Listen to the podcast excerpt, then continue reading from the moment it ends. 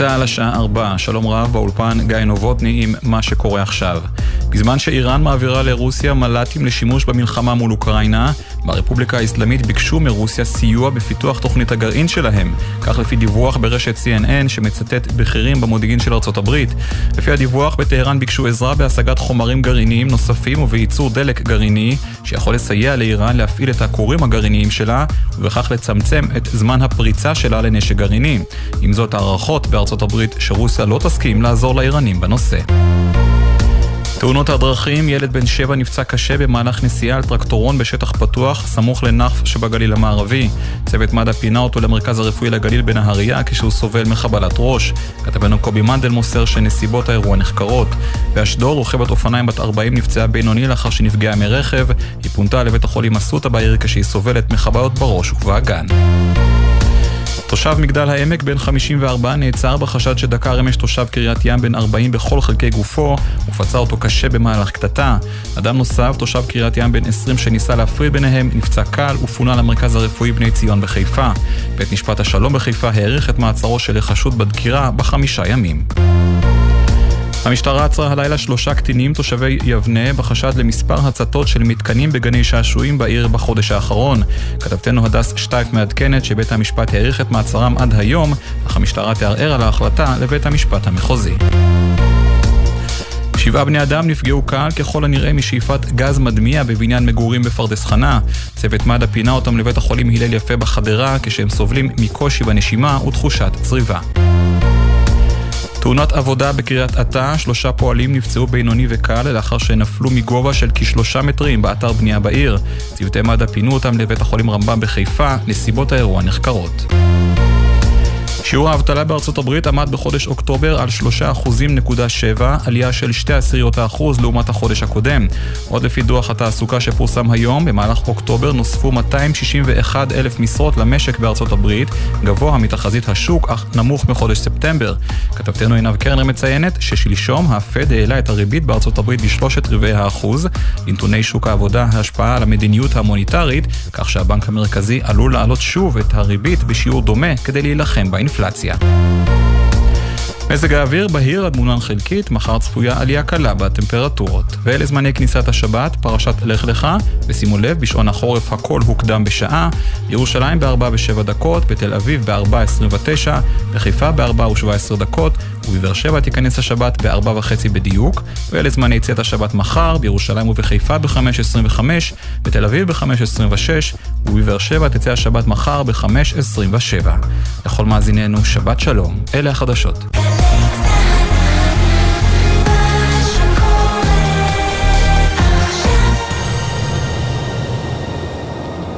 עכשיו בגלי צה"ל, שמעון פרנס.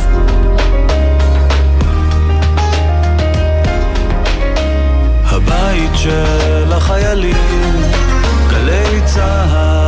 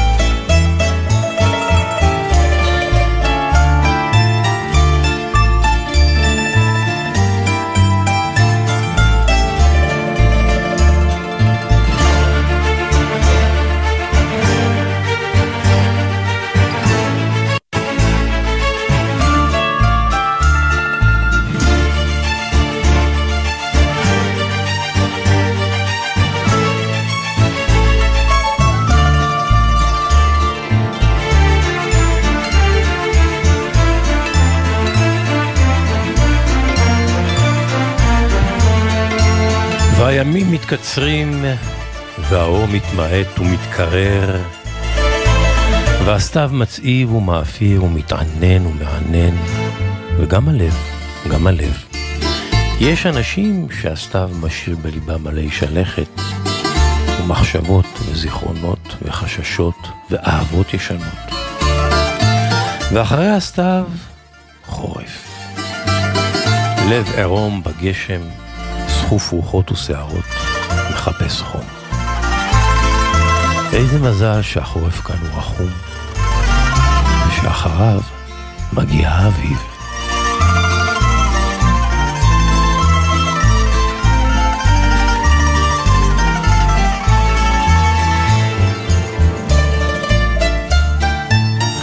אתם על העונג השישי בתנוחת השעה הזו שבין ארבע לחמש.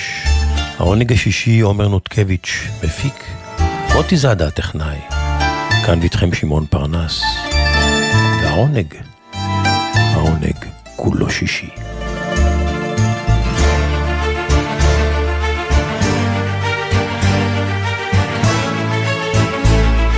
פסוקו הפותח של העונג השישי הוא שיר של אברהם חלפי שנקרא מסע מוצלח. מסע מוצלח לא מסתיים לעולם. הקילומטרים, כן. אבל הזמן נשאר חרוך בתוכך, הופך חלק ממך. בסוף המסע איני מרגיש מנצח, אלא יותר אסיר תודה. כאילו שהדרך עברה בתוכי ולא אני בתוכה. מסע מוצלח לא מסתיים לעולם, הקילומטרים כן. אך הזמן נשאר חרוך בתוכך, הופך חלק ממך. בסוף המסע איני מרגיש מנצח, אלא יותר אסיר תודה, כאילו שהדרך עברה בתוכי, ולא אני בתוכה. מסע מוצלח, אברהם חלפי.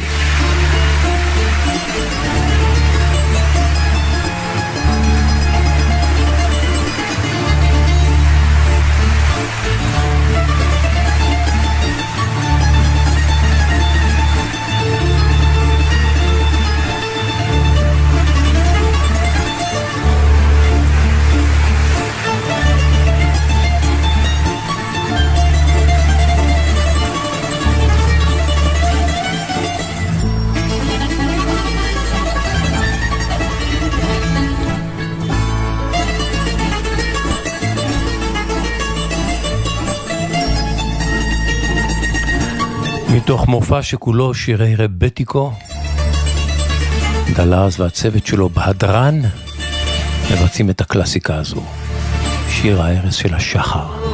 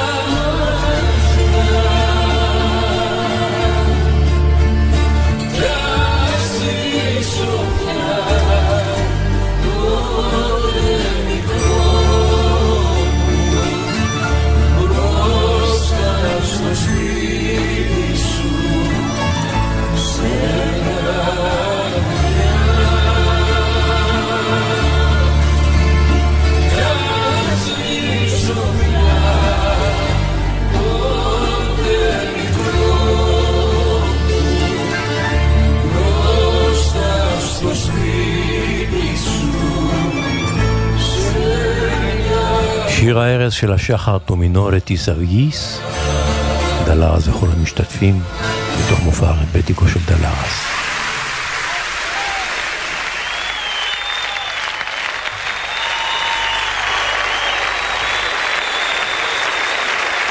קיסריה. שלום חנוך, ידיד נפש של מאיר אריאל. וכל המשתתפים שרים את הקלאסיקה הזו שכתב ניר אריאל והלחין שלום חנוך. ביחד זה יפה שיש אומץ לפעמים להתערבב שרים שירים ומביטים למעלה ענן שם בירח מסתבר חושבים במי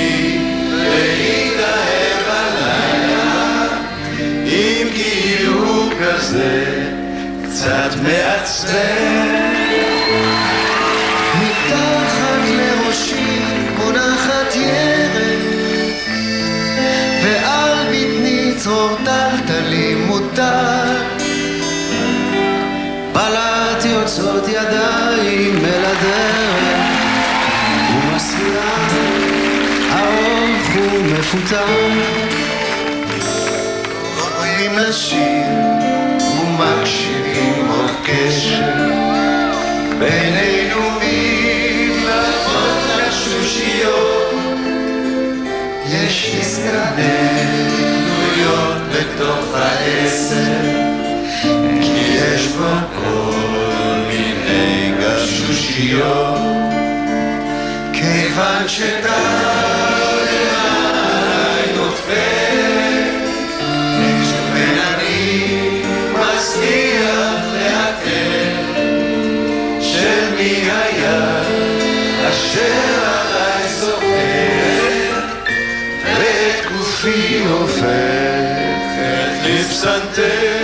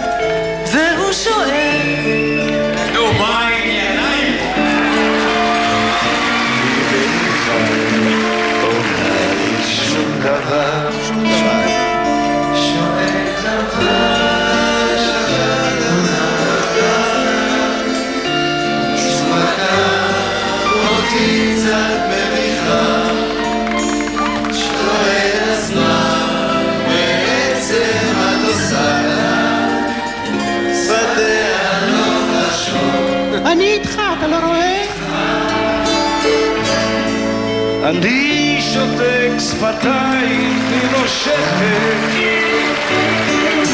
אני שותק וכה כבדות ידיי.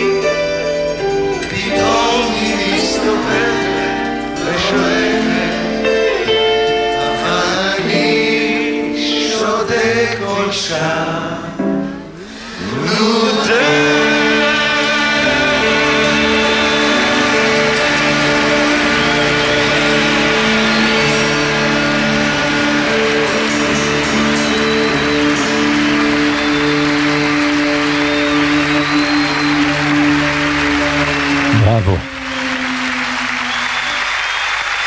כל המשתתפים בזכרו של מאיר אריאל בהופעה בקיסריה.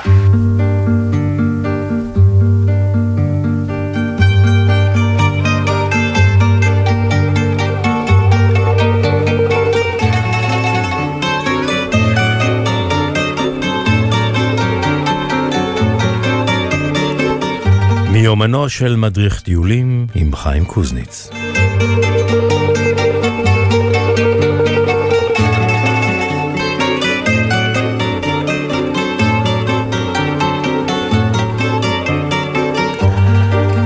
חיים קוזניץ, שבת שלום לך. עוד מעט שבת שלום, שמעון, בונסרה. בואנסרה, למה בואנסרה ערב טוב עכשיו באיטלקית? כי מחר יום הפיצה הבינלאומי? מה? יום הפיצה... גם את זה חוגגים. בטח. תשמע, המאכל הזה, אין מה לעשות, הפך להיות בינלאומי, ללא ספק. כבש את העולם. אתה זוכר את הפיצריה שלקחתי אותך לאכול בנפולי איתי? בוודאי שאני זוכר. שמה בסמטה? לא פיצה מעולה? איי, אכלתי ואחר כך הרגשתי רגשי אשמה, אבל תשמע, זה היה טעים. תשמע, כל הדברים הטובים כרוכים באיזשהו תשלום. צריך כן. לאכול במידה. אבל, אתה יודע, אני מדבר על הפיצה, מה פתאום נזכרת שלי- בפיצה בדיוק? כי הסיפור, הסיפור הוא על נפולי. Mm, אתה זוכר את ראובן ענתי, הידיד שלי, אותו ישראלי שהכרתי בטוסקנה, כן, בכפר פלריצ'יו, שמנגן בכנסייה? כן, זוכר, ודאי. ראובן ענתי הוא נטל חלק בהקמת מוזיאון המדע בהלסינקי, איש מכון ויצמן לשעבר. אה, מוזיאון המדע בהלסינקי, היה גם שותף להקמת מוזיאון המדע בוושינגטון. איש רב פעלים, ממציא, מוח מדהים. והוא מדי פעם אה, נוסע, נסע, היה נהג, נסע להגיע לכנסים שמארגנים אה, מוזיאוני מדע בעולם. ביקרתי אותו אצלו במזכרת בתיה לפני כמה שבועות, והוא סיפר לי את הסיפור הזה. בשנת 2013 הוא נסע להלסיקי לכינוס של האיחוד האירופי, כינוס של מנהלי מוזיאוני מדע ברחבי העולם. הגיע לשם, כמובן כולם מכירים אותו, ולקח אותו מארגן הכנס, אמר בוא תשמע, אתה הרי מדבר איטלקית, יש כאן, הגיעה משלחת של מוזיאון המדע בנפולי. משלחת. ראובן אומר לי, אתה יודע, כשיש כזה כנס, מגיע אחד מהמוזיאון בוושינגטון. מנפולי, אומר לו המנהל הזה, הגיעו, הגיעה משלחת של חמישה. מהמם. הלך, הכירו, הנה זה נשיא המוזיאון, זה סגן הנשיא, זה היושב ראש, זה המנכ"ל, חמישה אנשים. וסיפרו לו על מוזיאון המדע, ראובן אמר, הוא לא ידע שיש מוזיאון מדע בנפולי. ותוך כדי סיפור, תוך כדי דיבור, הוא סיפר להם שהוא פיתח מכונה מיוחדת שמתאימה למוזיאוני מדע. זה כלי כזה, שמעון, שיושבים, בן אדם יושב כמו על אופניים, מפדל בפדלים, מאחוריו מסתובב פרופלור מהפידול, שמחובר להגה גובה ומרים את מי שמפדל באוויר. משהו שמתאים למוזיאון מדע. האיטלקים נורא, נורא התלהבו. אמרו, אתה מוכן אה, למכור לנו את זה, שנשים את זה אצלנו? ראובן אמר, בטח, אני אצור איתכם קשר שאני אחזור לארץ. חזר לארץ, יצר איתם קשר, שלח להם שרטוטים, אישרו, הגיע לו תשלום מאיחוד האירופי, כי האיחוד האירופי הוא זה שמממן את מוזיאון המדע שם, וראובן שלח את המכונה. עברו כמה חודשים, בדרך כלל ראובן ואראלה אשתו נוהגים להגיע לטוסקנה, לביתם בטוסקנה, מפסח עד ראש השנה. הגיעו, ראובן אמר, התקשרתי למנהל, היה לי את הכרטיס ביקור של נשיא המוזיאון, לשאול אותו איך המכונה. אומר לו נשיא המוזיאון, תשמע, אני לא יודע מה להגיד לך, אבל המכונה ששלחת לנו לא עובדת. מה קרה? ראובן אומר, למה לא עובדת? אה, לא יודע, אז הוא אומר, למה לא התקשרתם? אומר לו נשיא המוזיאון, אנחנו פשוט בלחץ כאן אדיר של עבודה, התכוונו להתקשר. ראובן אומר לי, לא ישנתי כל הלילה. מה זה מכונה שאני עשיתי להם לא, לא עובדת? למחרת בבוקר, לקח את האוטו שלו, את הפיאט הקטנה שלו, ונסע שבע שעות לנפולי. בלי כלום, אומר, אני רציתי לבוא לראות את המכונה. הייתה לו את כתובת מוזיאון המדע. הגיע לפי הכתובת למקום הזה בנפולי, לרחוב, מחפש את מוזיאון המדע, לא מוצא. אה, עצר עוברים ושבים, שאל איפה יש כאן מוזיאון מדע, אף אחד לא ידע. אומר לו אבל אחד מהם, תשמע, יש כאן איזה מחסן של העירייה, אולי זה זה. הוא אומר, הגעתי, מחסן, מבנה מאובק, חסר מוזנחת, דלת ברזל, אני נכנס פנימה, אני רואה בפנים לבנים, אה, שקי מלט, אבל באמצע עומדת המכונה שאני שלחתי להם. רק מה? הרכיבו אותה הפוך. אתה יודע, איטלקים. עכשיו, ראובן לא מבין, מה, זה מחסן בכלל. פתאום ניגש אליו איש עם סרבל שכתוב על הסרבל נפולי, עובד עירייה של נפולי, שאל אותו מה הוא מחפש כאן, אז ראובן, לראובן היה בכיס את כרטיסי הביקור של הנשיא, נשיא המוזיאון, היושב ראש, סגן הנשיא, הוציא לו את כרטיסי הביקור. אומר לו, שאל אותו אם הוא מכיר את האנשים האלה. היה- העובד, עובד העירייה מסתכל, אומר, בטח שאני מכיר, אלה אנשים חשובים מאוד. כולם מכירים אותם בנפולי. אומר, נשיא המוזיאון זה אח של ראש העיר. סגן הנשיא זה הבן דוד של ראש העיר. המנכ"ל הוא הגיס של ראש העיר. בקיצור, כולם קרובי משפחה של ראש העיר. ראובן אומר לי, הבנת חיים מה קורה כאן? זאת רמאות נפוליטנית טיפוסית, הרי האיחוד האירופי שולח מיליוני דולרים שיקימו מוזיאוני מדע, אלה לקחו את הכסף ומטיילים, כל המשלחת, לקחו קבוצה של קרובים של ראש העיר, וכל המשלחת מטיילת בעולם במקום מוזיאון. הוא אומר, אבל הדבר הזה שיגע אותו. חזר בחזרה הביתה, התקשר לנשיא המוזיאון, אמר לו שהוא רוצה לבוא לראות את המכונה ולראות למה היא לא עובדת. הוא לא אמר לו שהוא היה שם. נשיא המוזיאון אומר לו, או, בשמחה רבה, אבל תשמע, בעוד חודש מגיע אלינו משלחת של האיחוד האירופי לבקר אצלנו. בוא תגיע יחד איתם, ותראה גם בינתיים למה המכונה שלך לא עובדת. הבנתי. אוקיי. חכה, הסיפור לא נגמר. ראובן התקשר ל...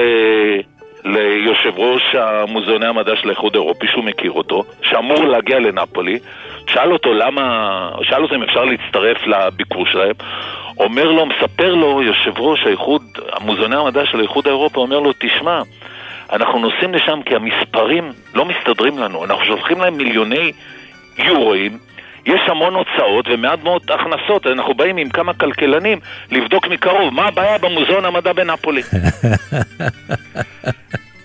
טוב. טוב, הגיע, ראובן מספר, הגיע לו במייל הזמנה רשמית מנשיא המוזיאון לביקור במוזיאון בתאריך הנקוב. עכשיו, החבר'ה מהלסינקי היו אמורים להגיע בטיסה ישירה לנפולי, ראובן אמר, הוא לקח את הרכב, נסע, יצא אחרי הצהריים מביתו בטוסקנה, אמר, הגעתי, אמרתי, אני אשן בנפולי, מחרת בבוקר אני אבוא לשדה התעופה, אצטרף למשלחת, ויבוא איתם למוזיאון.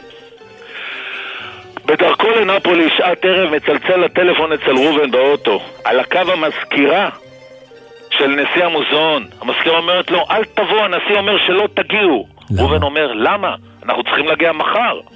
אומרת לו המזכירה, אל תשאל מה קרה, המוזיאון שלנו נשרף. יו. לפני שעה נשרף המוזיאון, אין מוזיאון מדע. ראובן כבר היה קרוב לנפולי, הוא כבר המשיך, הגיע בשעת לילה, ראה באמת שהמחסן כולו נשרף. יענו, אין מוזיאון, אתה מבין? החבר'ה, יד נעלמה שרפה את המוזיאון לפני שהגיעו אנשים לביקורת מהאיחוד האירופי המשותף ששלחו מיליוני, שנתנו מיליוני, עשרות מיליוני דולרים להקמת זה המוזיאון. מה שנקרא שחיתות איטלקית. שחיתות חבל על הזמן. ש... או יותר אבל- נכון, שחיתות נפוליטנית. אבל כדי לשים דברים על דיוקם, לאחר מכן, לאחר השרפה, אכן הקימו בעיריית נפולי אה, מוזיאון מדע, שהיום הוא קיים, שמעון, היום הוא מוזיאון קיים. אה, אבל- קיים? כן, אבל ההנהלה נשארה אותה הנהלה, אתה יודע למה? הנשיא, למה? כי לואיג'י דה מג'יסטריס הוא עדיין ראש העירייה, אותו ראש עירייה שהיה אז הוא עדיין היום. כולם שמה. אתה יודע מה, אתה יודע, ראובן נתן לי, אמר לי משפט, שזה לא שלו, אבל כולנו מכירים את זה. הוא אמר, אתה, כל, אפשר לרמות כמה אנשים כל הזמן. או את כל האנשים אפשר לרמות כמה זמן. חלק אבל אי מהזמן. אפשר לרמות את כולם כל הזמן. זה מה אפשר שקרה. לרמות את חלק מהאנשים חלק מהזמן, אבל אי אפשר לרמות את כולם כל הזמן. ושם בנפולי שרפו, בנו מחדש והכל בא על מקומו בשלום. רמאות נפוליטנית. עכשיו אתה מבין למה הפיצה היא המצאה נפוליטנית? אוכל לא, שחיתות, אוכל. שחיתות, אוכל שחיתות. לא משנה שהם לקחו את השם פיצה מהמילה פיתה של המוסלמים שהיו שם, וזה, אבל הפיצה זה תורה בפני עצמה, זה משהו אחר. משמין, משמין, אבל טעים. טעים. אבל טעים, טעים עם המוצרלה למעלה. אז לקחתי אותך לפיצריה סורבילו של אנזו המאפיונר, אתה זוכר? כן, אה. רואים בפנים שלו שהוא מאפיונר. מה זה רואים? לא האמנת לי שהוא אחראי על החנייה ברחובות עד שראית במו עיניך איך ניגשו אלינו שבאנו לחנות ברחוב. חיים קוזניץ, שבת שלום יקירי. שתהיה לך שבת שלום. ומתי אתה נוסע לאיטליה? תשמע, אני באיטליה שבוע הבא כבר לקרנבלים. שתהנה, תודה רבה יקירי, כל טוב. ואני אשמח מאוד אם למאזינים שלנו יש סיפורים מעניינים מדברים שקרו להם בעולם. שירימו טלפון, שיכתבו מייל, אשמח לשמוע. לאן? אפשר אליי, לדף הפייסבוק שלי, חיים קוזניץ, מדריך טיולים, בעברית, ואפשר גם אליי לכתובת המייל שלי, חיים קוז, H-A-I-M-K-U-Z, שטרודל, ג'ימל, נקודה קום. שוב שבת שלום. שבת. שלום יקירי.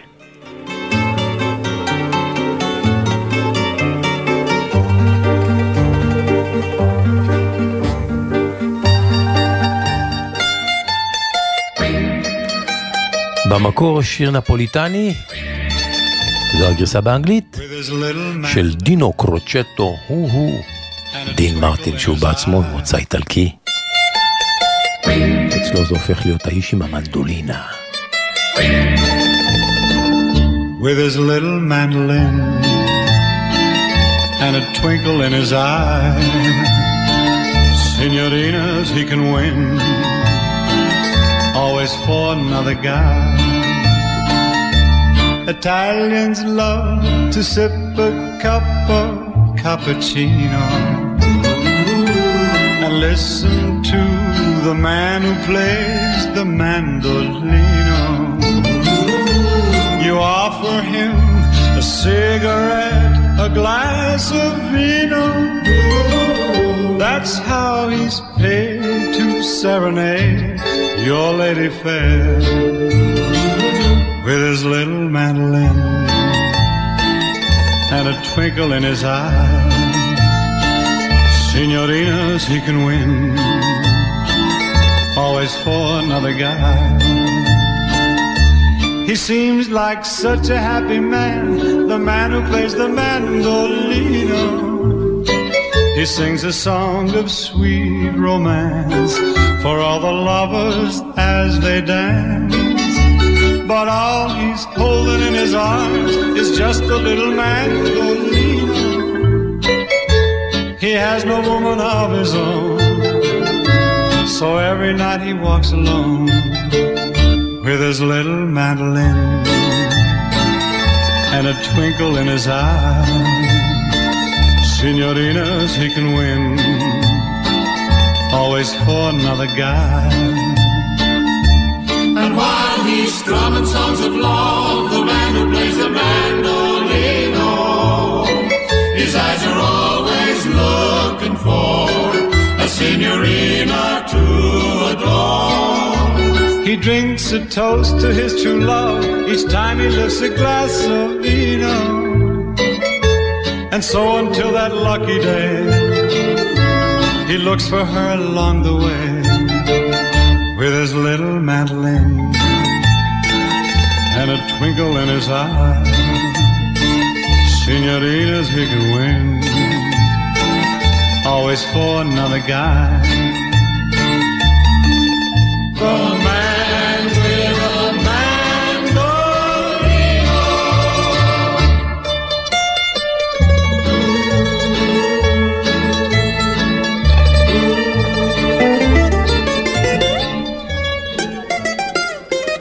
וממנדולינה אנחנו עוברים לבוזוקי, ומארץ הספגטי, לארץ הכחול יוון.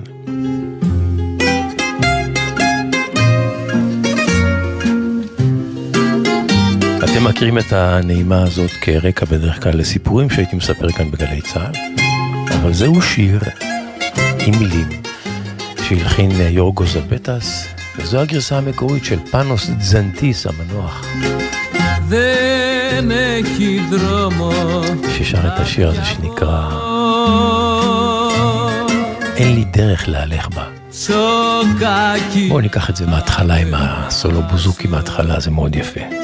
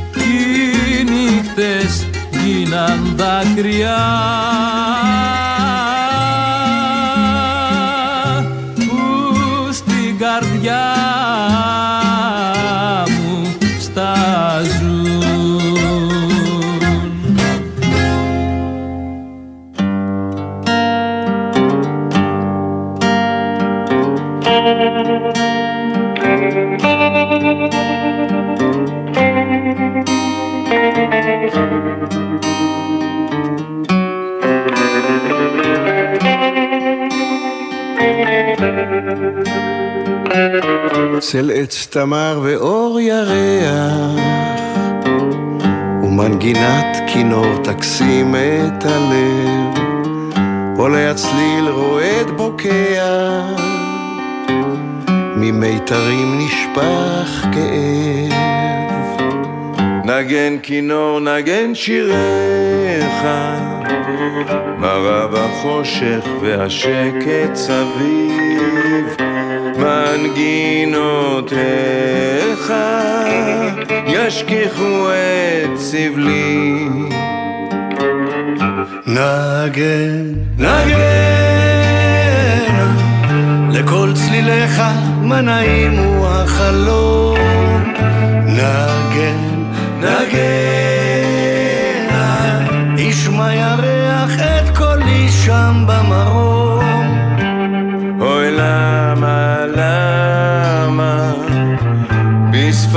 בשפתיך הקסמתני ליבי כבשת ועזבתני אוהב, כואב וסובל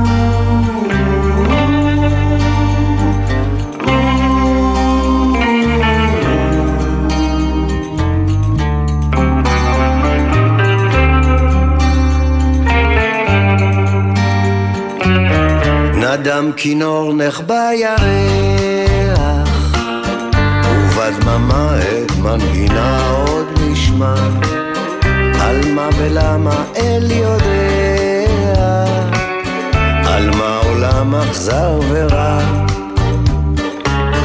מערפילי עפר תופיע דמות אהובה תווי פנים ישמיע שי זיכרונות נעימים נגן, נגן לכל צליליך מה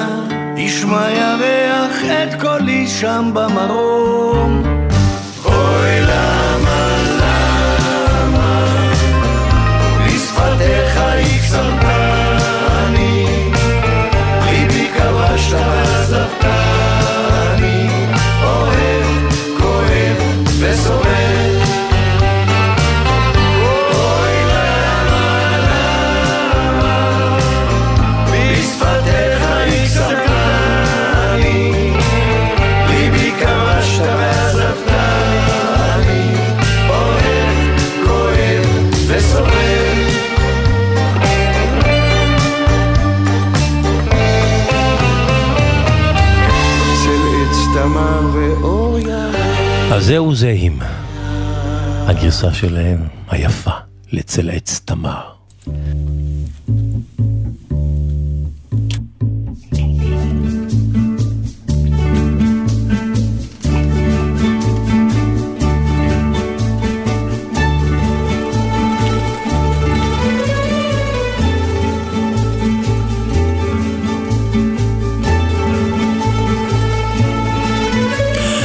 זיקוקי דינור של יום שישי, זיקוקי דינור עם שוק הדינור.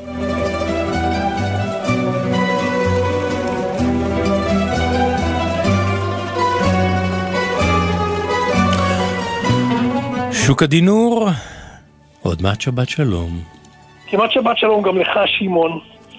וברשותך, אני רוצה לקחת אותך היום לעוד סיפור קטן ונוגע ללב משולי אירועי יום הזיכרון לחללי צה"ל, הסוריאליסטי, כפי שאתה זוכר, כן. כי, כי נעלו אז את שערי בתי הקברות בגלל, בגלל מגפת הקורונה. אכן. ותמר שובל, תמר שובל קדרון, הכרתי אותה לפני כמה שנים לראשונה, חברות חדשה כזאת שצומחת. אני עדיין זוכר את המילים הראשונות כשפגשתי אותה, התעניינתי בעיסוקה והיא אמרה לי בחיוך, אני עובדת בכביש. חייכתי כמוך, ואז מתברר שזו הגדרה שלה, אה, היא מהנדסת כבישים. אז כך היא קוראת לעצמה, בחיוך. כן. בנובמבר 1970, כמעט לפני 50 שנה, תמר שיקלה את אחיה, הטייס סגן אמיר קלבריסקי קדרון, שנפל במילוי תפקידו והוא רק בן 21. וכך היא סיפרה לי. מזה 49 שנים אני פוקדת באדיקות את הקבר של אחי בקריית שאול. אבל השנה הודיעו לנו שבית הקברות יהיה סגור ביום הזיכרון לחללי צה"ל. בגלל הקורונה. אז אנחנו צייתנו להוראות. כמו משפחות רבות שכולות, ופקדנו את הקבר של אח שלי יומיים קודם לכן. במקום ביום הזיכרון. אתה יודע, היא אומרת לי, שוקה, אני לא יודע אם אתה יודע, אבל יש נוהג בצבא וגם בטייסת של אמיר, אחי, שמדי שנה מגיעים מהצבא יום קודם כדי להניח דגל ופרח על חלקת הקבר. וביום הזיכרון עצמו, אגב, מגיע חייל מהיחידה להצדיע בזמן הצפירה ולהיות ליד המשפחה. ולפני שיצאתי לבית הקברות, במעין דחף לא מוסבר, הכנתי בבית פתק. שמתי אותו בתוך מעטפה קטנה. שמתי אותו בתוך מעטפת ניילון כדי שלא יירטב בטל או בגשם, והנחתי אותו על המצבה. התאריך שעל הפתק היה תאריך של עוד יומיים, יום הזיכרון. תגידי, מה, מה, מה, מה כתבת בפתק? אני שואל את תמר, מה זה כמו בכותל?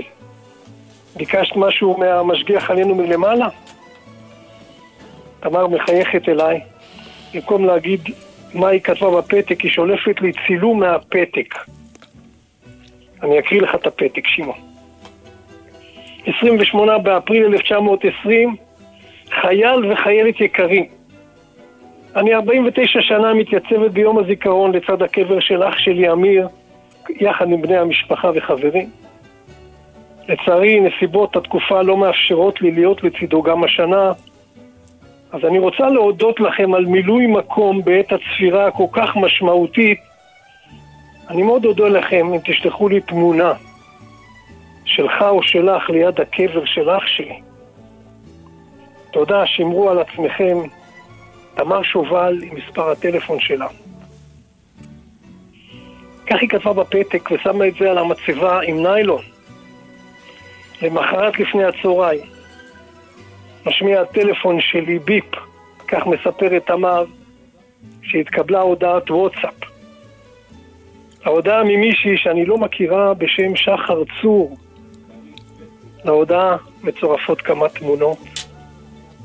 וכך כתוב בהודעה: היי, אנחנו החיילות שעמדנו ליד הקבר של אח שלך.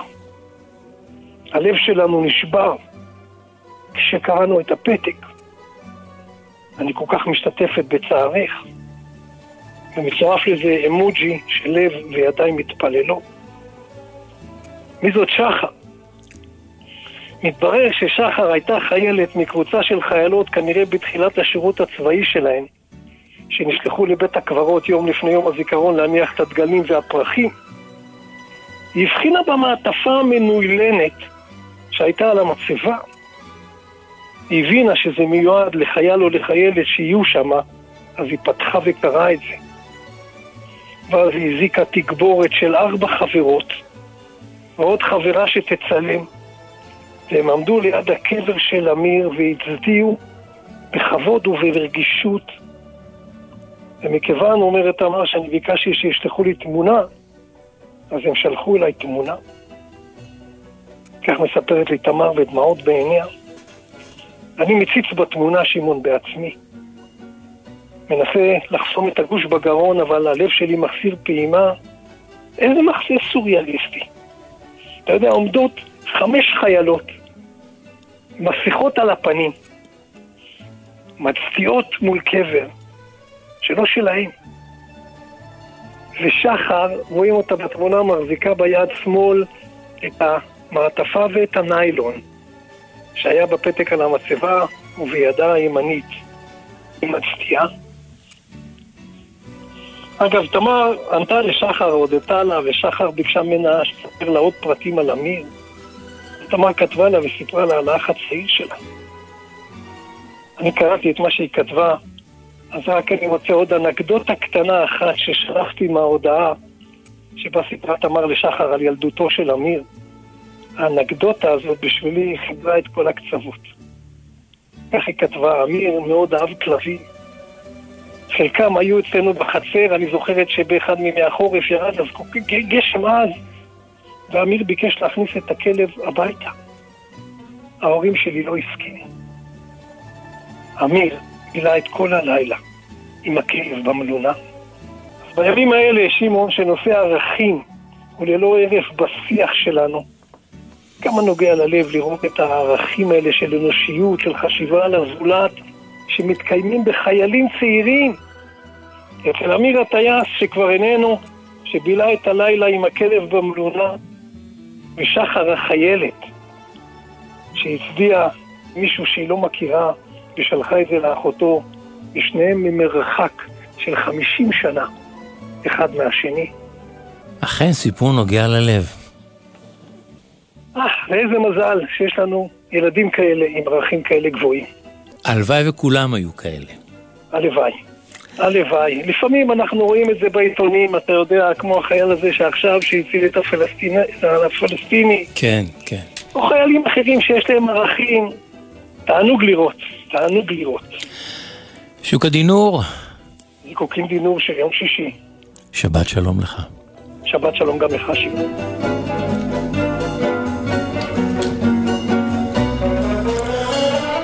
רוצים לכתוב לשוקה, להגיב לסיפוריו, או יש לכם סיפורים שלכם לספר לו עם תובנות על החיים? כתבו לו, כתבו לו לבלוג שלו. שוקה ישמח לקרוא וגם לענות, ואת הסיפורים הטובים להביא כאן בתוכנית.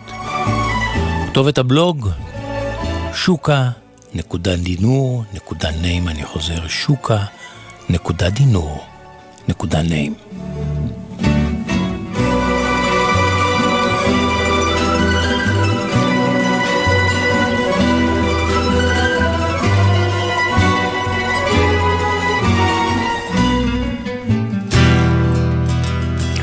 גרסה נדירה, ליאון חייקו הארגנטינאי, הכוכב הגדול. שר את סולו לפידו אדיוס, אני רק מבקש מאלוהים. רק הוא וגיטרה נטו, בלי קהל, בלי מפוחית בלי התזמורת שמאחוריו. הוא, הגיטרה נטו, והמילים החזקות והלחן של השיר, הנה, ליאון חייקו, סולו לפידו אדיוס.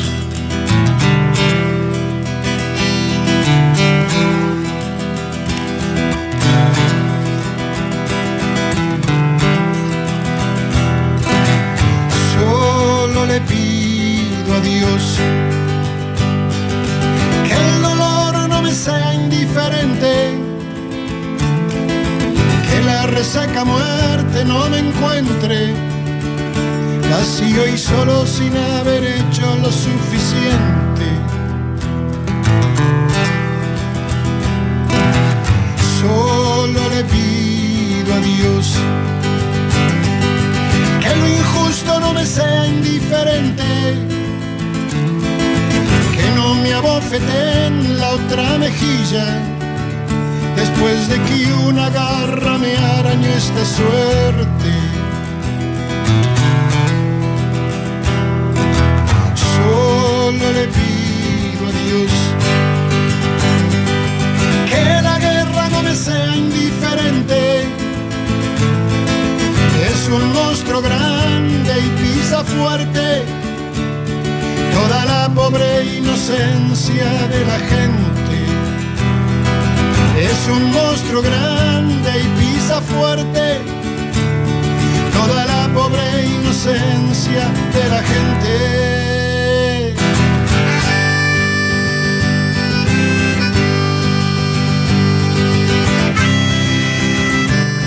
אז הנה, כן, הוא לא מוותר על המפוחית פה. טעיתי. זה הגיטרה והמפוחית. דילני משהו.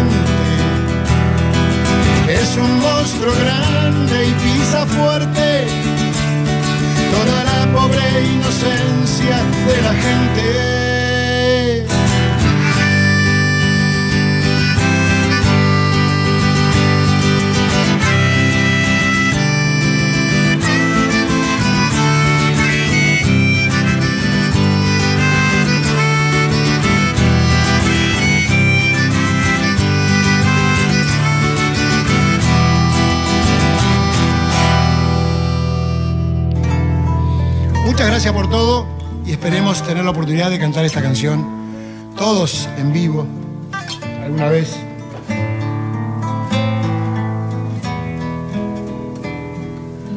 יפה נוף מסוסתם אברהם פררה בקולו הצלול, החנון והיפה כל כך, שר את יפה נוף, קריאה למלך רב, לקראת סיום.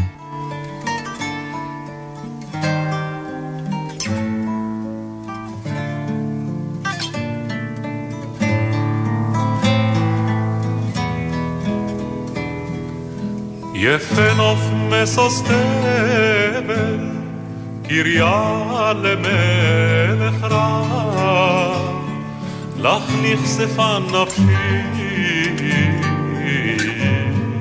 מפתי מרב, לך נכספה נפשי. מפתי מרב,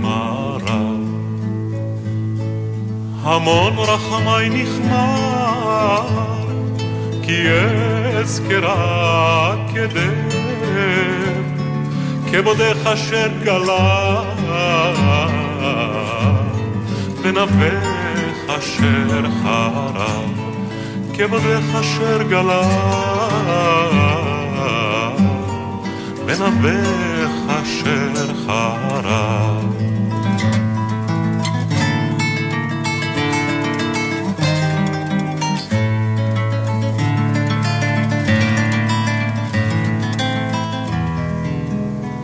הלא את אבנייך אכונן ושקר בטעם רגבייך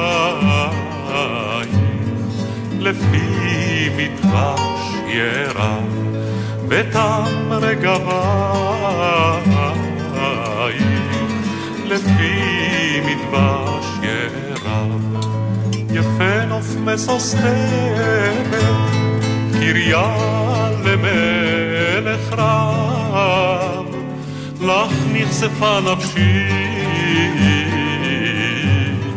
מפתי מרב, לך נכספה נפשי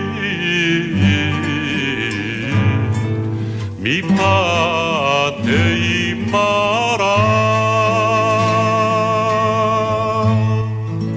אברהם פררה שר רבי יהודה הלוי. העונג השישי אנחנו מסיימים, תודה לכם שהייתם איתנו, תודה למוטי זאדה הטכנאי, לעומר נותקביץ' המפיק. אם תרצו ניפגש כאן גם מחר עם העונג השביעי, גלי צה"ל בין 12 ל-2, שבת בצהריים. ממני שמעון פרנס, שתלכו לנו שבת שכולה עונג.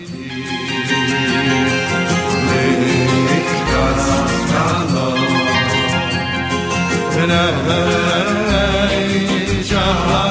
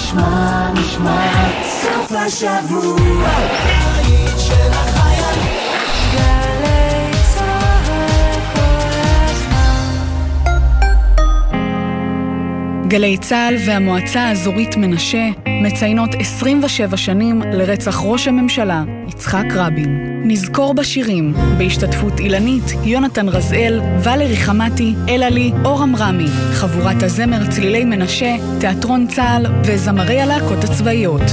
ראשון, תשע בערב, היכל התרבות מנשה בקיבוץ גן שמואל ובשידור חי בגלי צה"ל. טוב איתי, זה נכון שאתה מדהים בטריוויה, אני בטוחה שאתה זוכר מי אשתו החמישית של הנרי השמיני. ברור, קת'רין האווארד. או מתי אברי גלעד פתח מיקרופון לראשונה. בשנות ה-80, במה יש? אבל ידעת שלגלי צה"ל יש אזור תוכן שלם חדש ביישומון? האמת? לא. הצלחת להפתיע אותי. דווקא את זה ממש כדאי לך לדעת.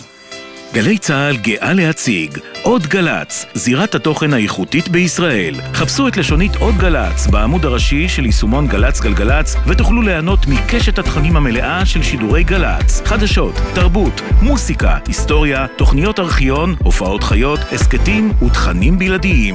היכנסו עכשיו לעוד גל"צ ביישומון גל"צ גלגלצ. מיד אחרי החדשות, ציפי גון גרוס, עם ספרים רבותיי ספרים.